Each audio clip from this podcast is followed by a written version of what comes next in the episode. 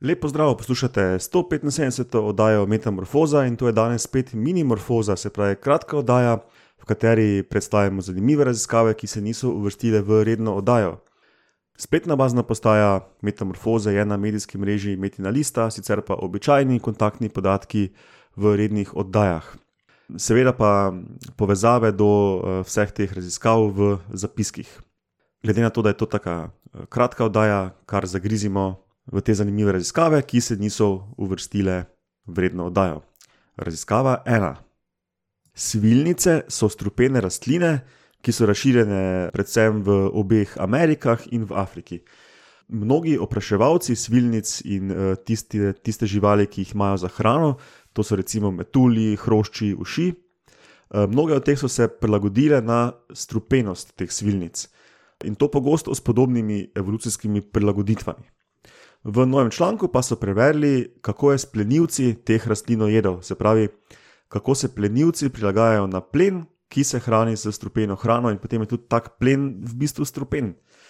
In ugotovili so, da imajo tudi plenilci teh rastlinojedih žuželk podobne evolucijske prilagoditve, s katerimi se izognejo pogubnemu delovanju strupa svilnic. Raziskava 2. Socialna monogamnost je pri ptičih pogosta. Socialna monogamnost to pomeni, da par živi in vzgaja potomce skupaj, nisi pa nujno razmnoževalno zvest, se pravi spolno zvest.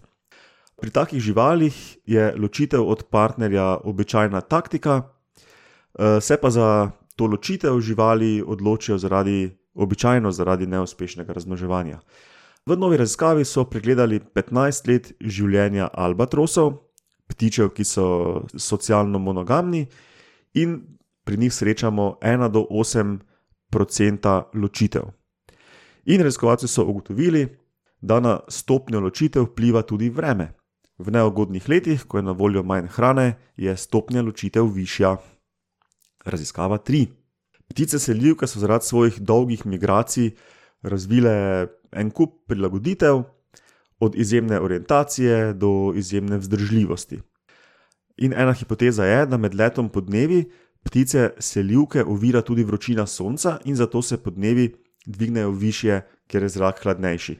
In v nedavni raziskavi potrjujejo to hipotezo s podatki, da so ptice selivke zaradi sonca tudi obarvane svetleje in bolj reflektivno, se pravi, da jih sonce manj segreva.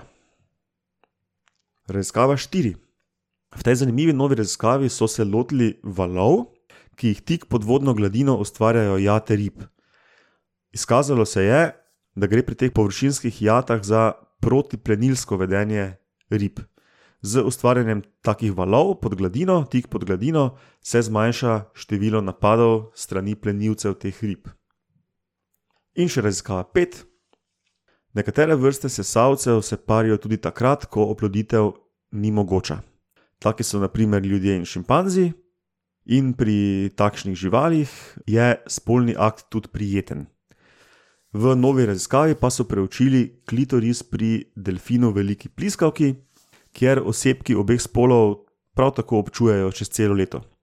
In ugotavljajo, da je klitoris postavljen tako, da je spolna stimulacija večja, Eh, da je tudi zgrajen in oživčen, in oživčen na tak način, da gre zelo verjetno za funkcionalen organ, ki naredi spolni akt prijeten.